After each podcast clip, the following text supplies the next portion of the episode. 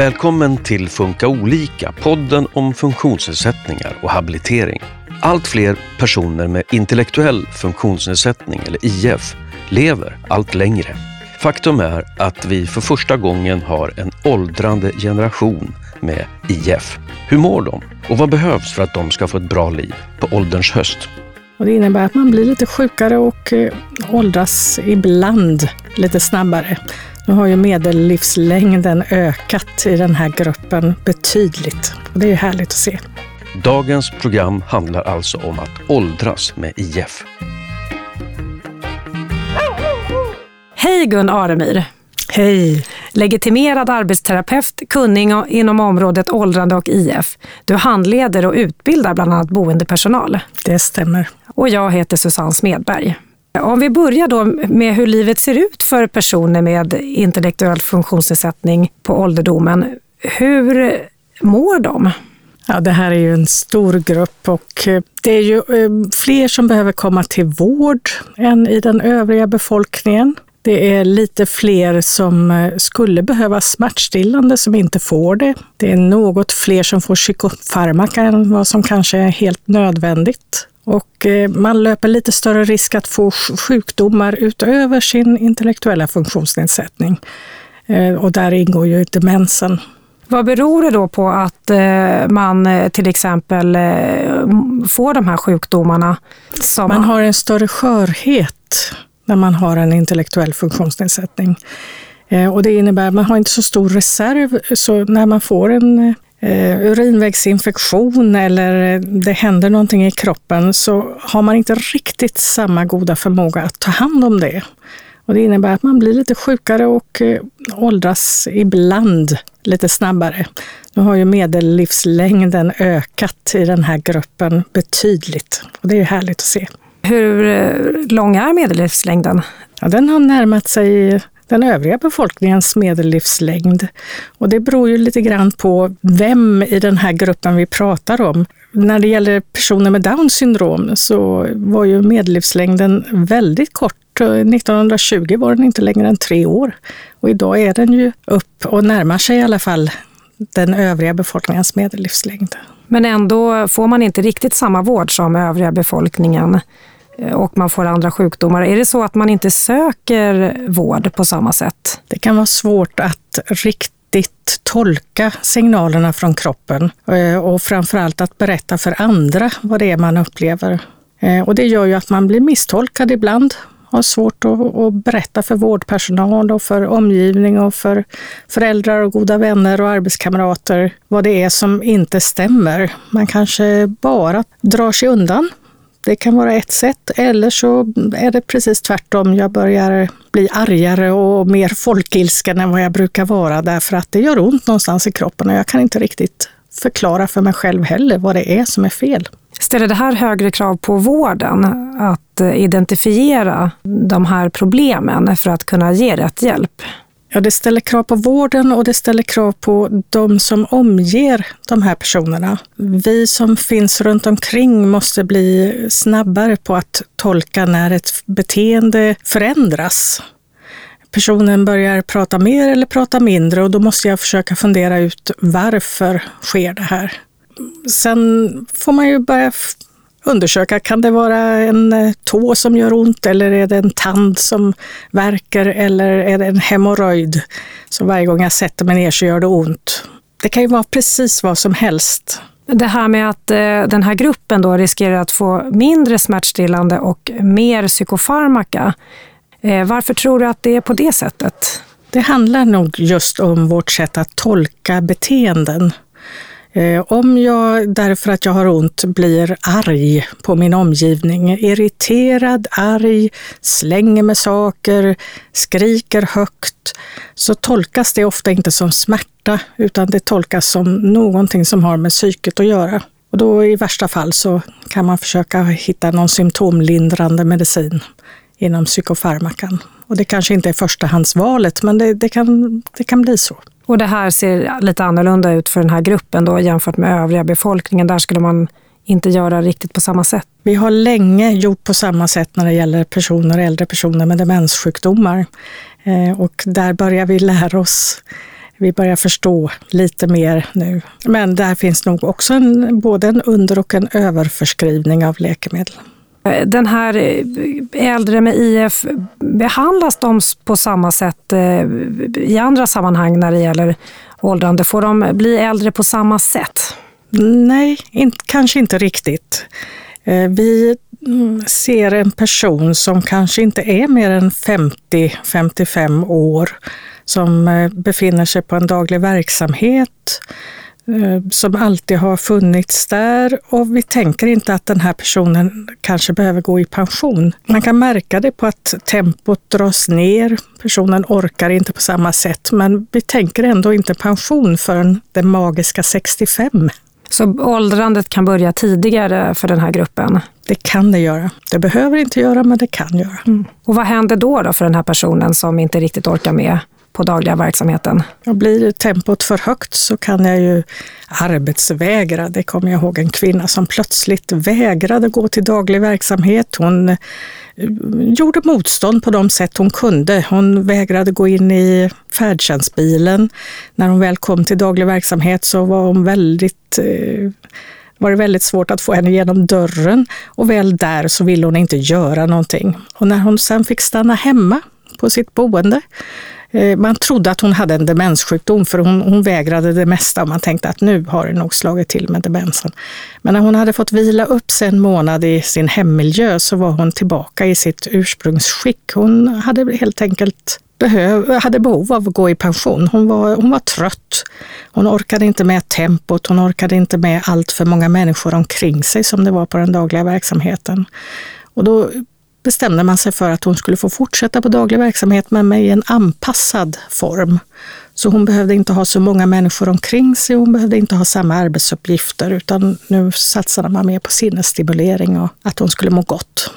Du nämnde åldern 40-45 tror jag för åldrandet, eh, när det kan börja. Är det vanligt för hela gruppen intellektuell funktionsnedsättning Nej. eller är det inom en viss? Nej, det, det, det är väldigt svårt att, att, beskriva den här gruppen för det, det finns ju personer med, med grava former av intellektuella funktionsnedsättningar och det finns de som bara har lätta nedsättningar. Och det skiljer sig oerhört mycket beroende på vilken sjukdom man har fått, vilken grad av intellektuell nedsättning man har fått. Så att man kan inte säga generellt att alla åldras tidigt. Men många åldras tidigare. Så kan man säga generellt. Om man pratar lindrig intellektuell funktionsnedsättning, kan man säga något om åldrandet för den gruppen? Ja, om, om man har fått Down syndrom och har en lindrig nedsättning eh, så riskerar man ändå att få en demenssjukdom. Och den kan starta från 50 års ålder, den kan till och med starta tidigare. Eh, ungefär hälften riskerar att få en, en tidig demensutveckling. Om vi pratar lite om boendesituationen, hur, hur bor de flesta äldre? Förfärligt många bor ju i egen bostad med stöd. Några bor i gruppbostad, men hur procentsatserna ser ut, det vet jag inte. Fördelar med att bo hemma eller gruppbostad? Ja, I en gruppbostad så har jag ju ändå personal som följer mig eh, och som ser när något förändras. Bor jag själv så är det inte säkert att jag är så uppmärksam. Eh, jag tänker på en, en ung man som inte var mer än i 50-årsåldern och som började få svårt med sin tidsuppfattning. Det hade gått bra tidigare. Han hade tagit färdtjänsten till sin dagliga verksamhet och han hade klarat att gå upp på morgonen och eh, fixa sin frukost. Och så han var klar, färdig när de kom för att hämta honom. Nu började han fundera på hur han skulle klara ut det här. Han visste inte riktigt när färdtjänsten skulle komma, så han bestämde sig för att äta frukost kvällen innan för att vara säker på att hinna med. Och man förstod inte på daglig verksamhet varför han var så vrålhungrig när han kom. Och det var det som var det förändrade, men det tog ju tid att lista ut vad det berodde på. För det var ingen som följde honom på morgonen, det var ingen som såg vad som hände. Hur kom han fram till det där sen då? Ja, det, var ju, det var ju någon god vän som följde med honom hem och, och som insåg det här, att det här stämmer inte. Är det vanligt eh, att eh, man är ensam i den här gruppen? Risken är större. Eh, och det beror ju på att man har föräldrar som så småningom blir äldre och dör. Har man tur har man syskon som kanske följer en genom livet. Har man inte det så är man beroende av personal och personal kommer och går. Både på daglig verksamhet och på arbetsplatser och i gruppbostäder. Då blir det svårt att hitta de här långvariga kontakterna. Eh, jag har gått på särskola, men de klasskamraterna följer inte alltid med i livet som det kanske gör i den övriga befolkningen. Och jag har svårt att hitta de här sociala kontakterna. Svårare, ska jag väl säga. Om man tänker då föräldrar till barn med eh, funktionsnedsättning, vad kan de göra för att eh, underlätta för sitt barn när de själva inte finns kvar så att säga? Och det är ju att skapa de här kontakterna, att man vet vem det är som träder till när mitt barn inte har mig som förälder kvar längre. I Mölndals stad där jag kommer, där har vi en anhörigkonsulenter. De ordnar studiecirklar just för föräldrar som behöver fundera igenom hur ska jag hjälpa mitt barn att flytta hemifrån? Och barnet kan ju vara i 60-årsåldern. Och det är en process. Men, eh, och då hjälper de här studiecirklarna till? Då hjälper man till med kontakter och att gå igenom alla eh, det som behövs är kanske en, att skriva en levnadsberättelse, att eh, ja, se till att de som nu ska ta över faktiskt förstår just den här personens möjligheter, alla kunskaper som personen har, allt som den här personen kan utföra på egen hand så att inte det glöms bort.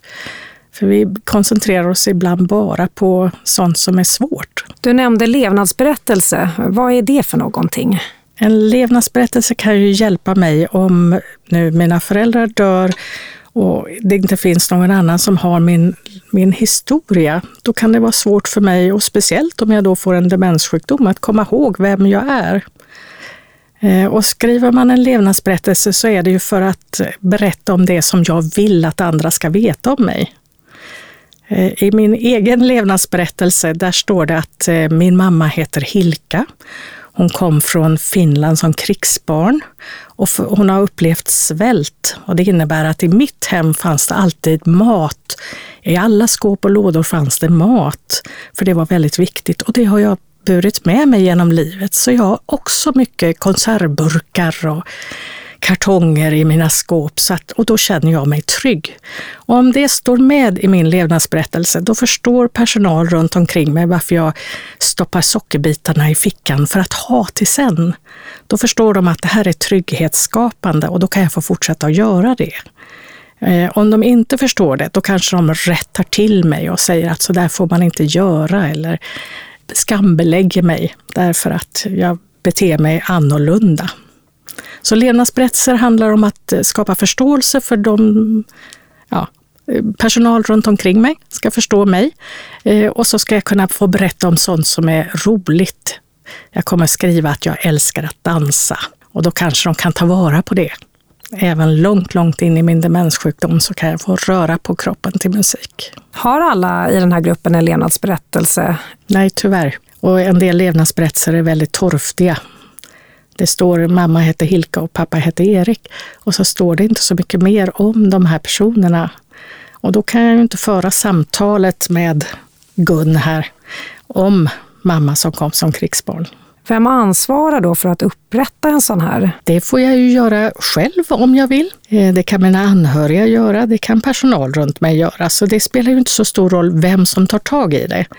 Bor jag på en gruppbostad så tycker jag det ska finnas en levnadsberättelse och det brukar ju en kontaktperson försöka tillsammans med mig som behöver levnadsberättelsen och mina anhöriga få till den här. Och den behöver ju aldrig bli klar utan den kan man fylla på med roliga historier och bilder som dyker upp. Finns det någon särskild mall eller kan jag bara ta en blank bok egentligen och börja skriva?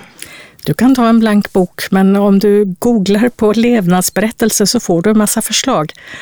Eh, jag vet att bland annat Demensbutiken har en levnadsberättelse som man kan trycka ut kostnadsfritt.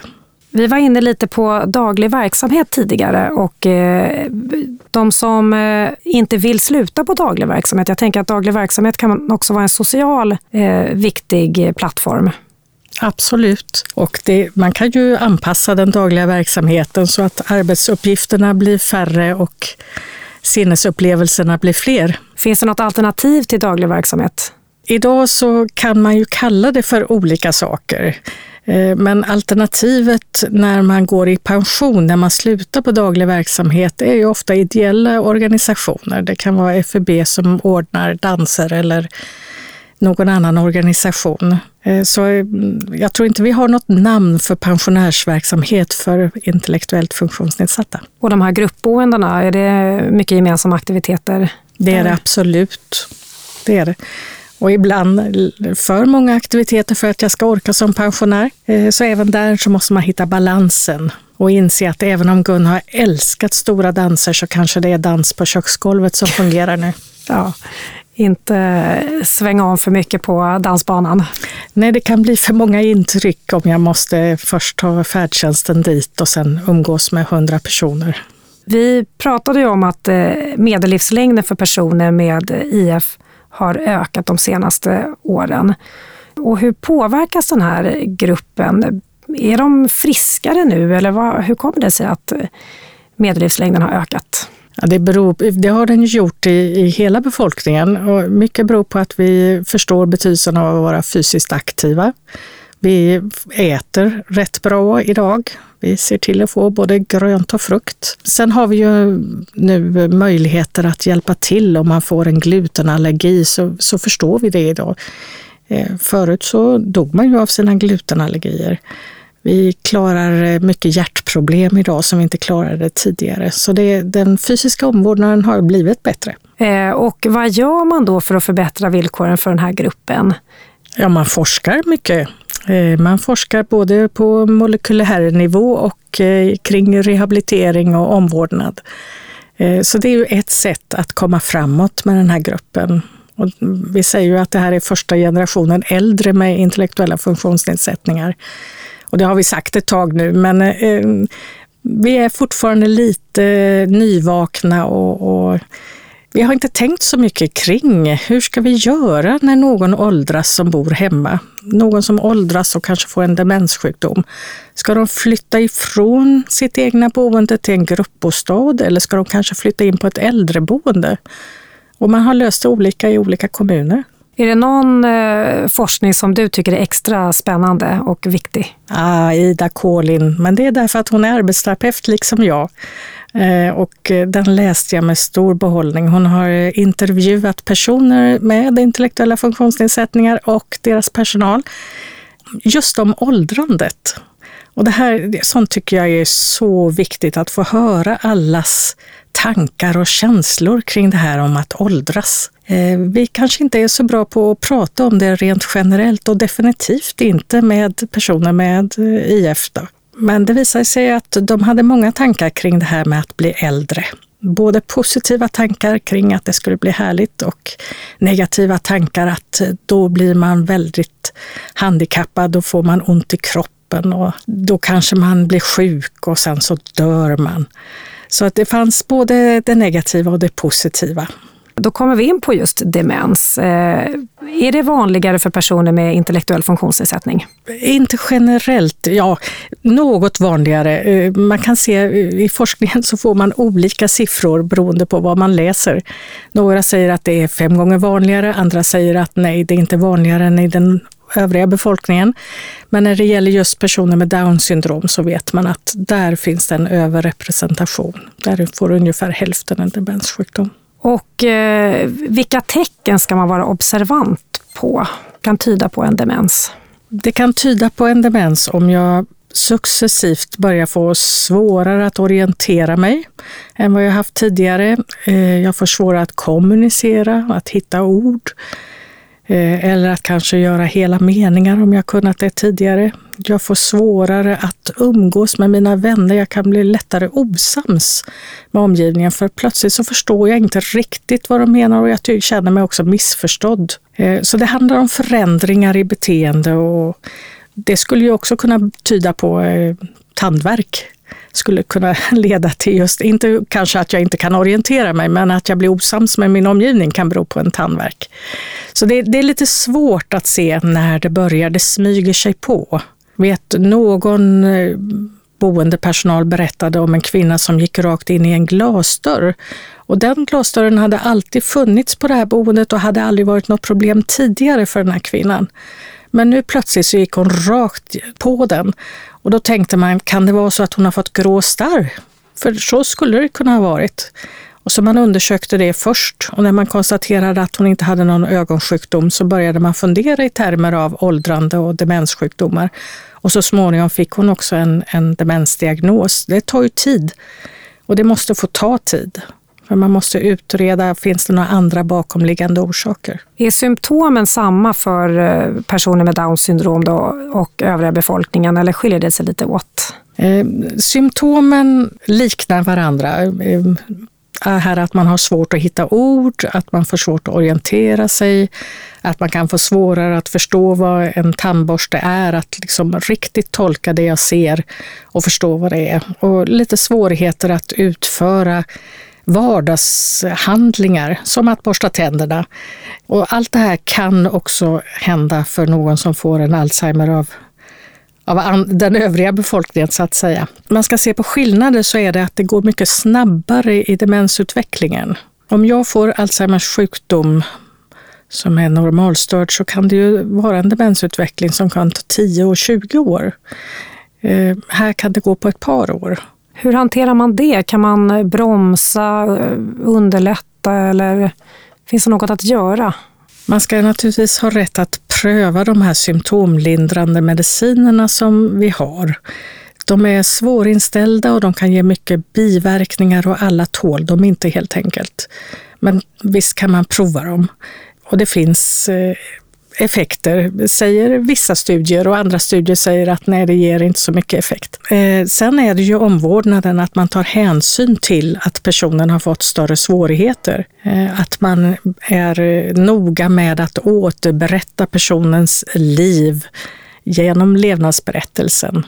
När personen inte själv kan berätta om Hilka, då får jag berätta. Ja, din mamma Hilka, hon som tyckte så mycket om mat, precis som du. Och då blir jag ju sedd och bekräftad och kan må rätt gott.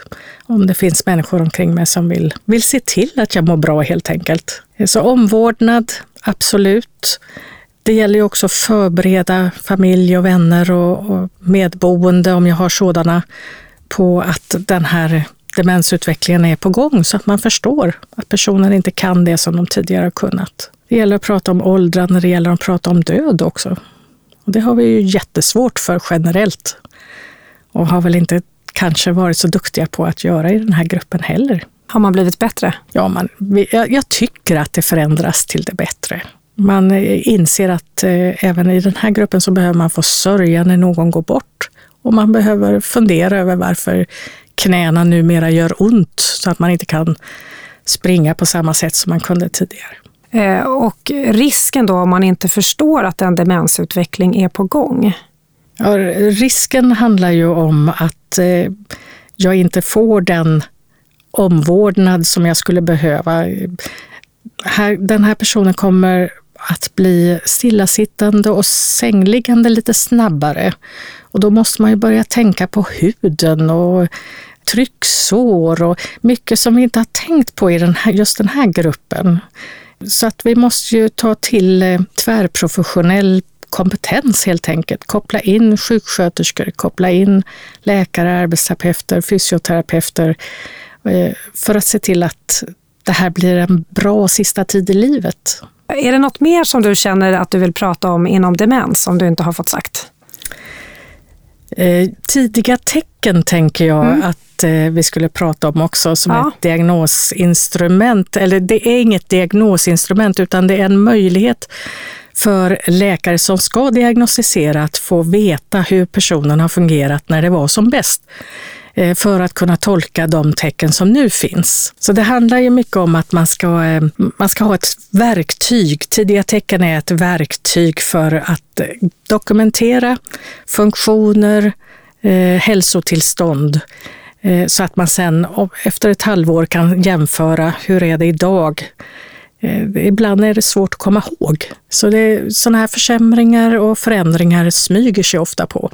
Och därför behöver man dokumentera. Det behöver man ju börja med någon gång i 30-årsåldern och så göra en årlig uppföljning. Finns det då någon mall för det som eh, tillhandahas av någon inom professionen eller det här verktyget, var kommer om, det ifrån? Ja, man kan hitta det om man går in på www.demenscentrum.se som är ett nationellt centrum för just demenssjukdomar och att man kan få lite kunskap där. Och där kan man slå på tidiga tecken.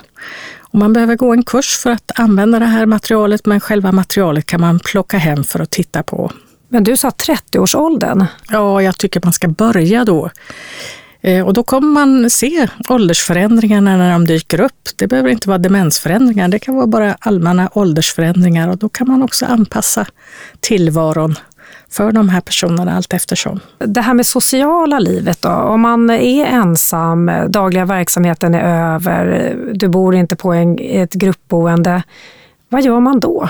Ja, då får man ju gå ut och titta. Finns det någon eh, träffpunkt? Det kan vara träffpunkt för äldre generellt. Man kan eh, gå med i en förening. Man kan eh, börja gå till dansbanorna. Men det här hänger ju på att jag har initiativförmåga och det, den är jättesvår att hitta in till. Så mycket hänger ju på att vänner och familj stöttar. Du nämnde också när vi pratade att eh, den här gruppen inte riktigt tillåts vara gamla på samma sätt som eh, många andra. Man fortsätter träna och tänker att, det ska, att man ska utvecklas hela livet. Och det är när jag är ute och föreläser, så föreläser jag för äldreboendepersonal så får jag säga Äldre personer behöver också få röra på sig och ha roligt och hitta på aktiviteter. Eh, därför att på äldreboenden så är man väldigt upptagen med att folk ska vila och må bra på det viset. Få god mat och mycket vila. När det gäller eh, personer som möter eh, intellektuellt funktionsnedsatta så är man så van att det ska vara aktiviteter. Man ska ut och rida och man ska gå på McDonalds och man ska iväg på olika aktiviteter. Och där måste jag faktiskt säga att den här personen kanske behöver gå i pension. Så man kanske ska ha en aktivitet på dagen och sen måste man nog vila. Så eh, den här balansen mellan vila och aktiviteten är viktig för alla människor. Eh, och det gäller att få till den på den personens villkor. Om man vill lära sig något mer om det här området, har du några tips? Du har nämnt Demenscentrum. Mm. Och... Där finns ju också en utbildningsportal på Demenscentrum. Och där finns nu ett eh, kostnadsfritt utbildningsmaterial som heter Åldern har sin rätt. Och det är ett citat från en person med intellektuella funktionsnedsättningar som sa just det, att åldern har sin rätt. Eh, och det här är ett fantastiskt material. Det är helt kostnadsfritt som sagt. Eh, man går in via Demenscentrums utbildningsportal eh, och man kan till och med få ett litet certifikat där man har gått igenom den här utbildningen. Så kan man använda det i sina löneförhandlingar. Vem vänder det sig till?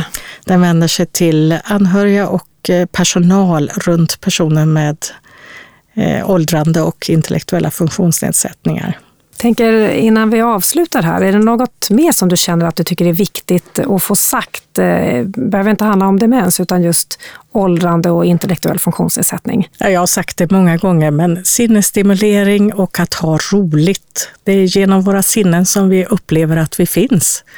Så att få en anpassad stimulans, det kan gälla att titta på vackra saker, det kan vara att lyssna på sånt som jag tycker är behagligt. Det kan vara att få gunga i min takt och njuta på det viset.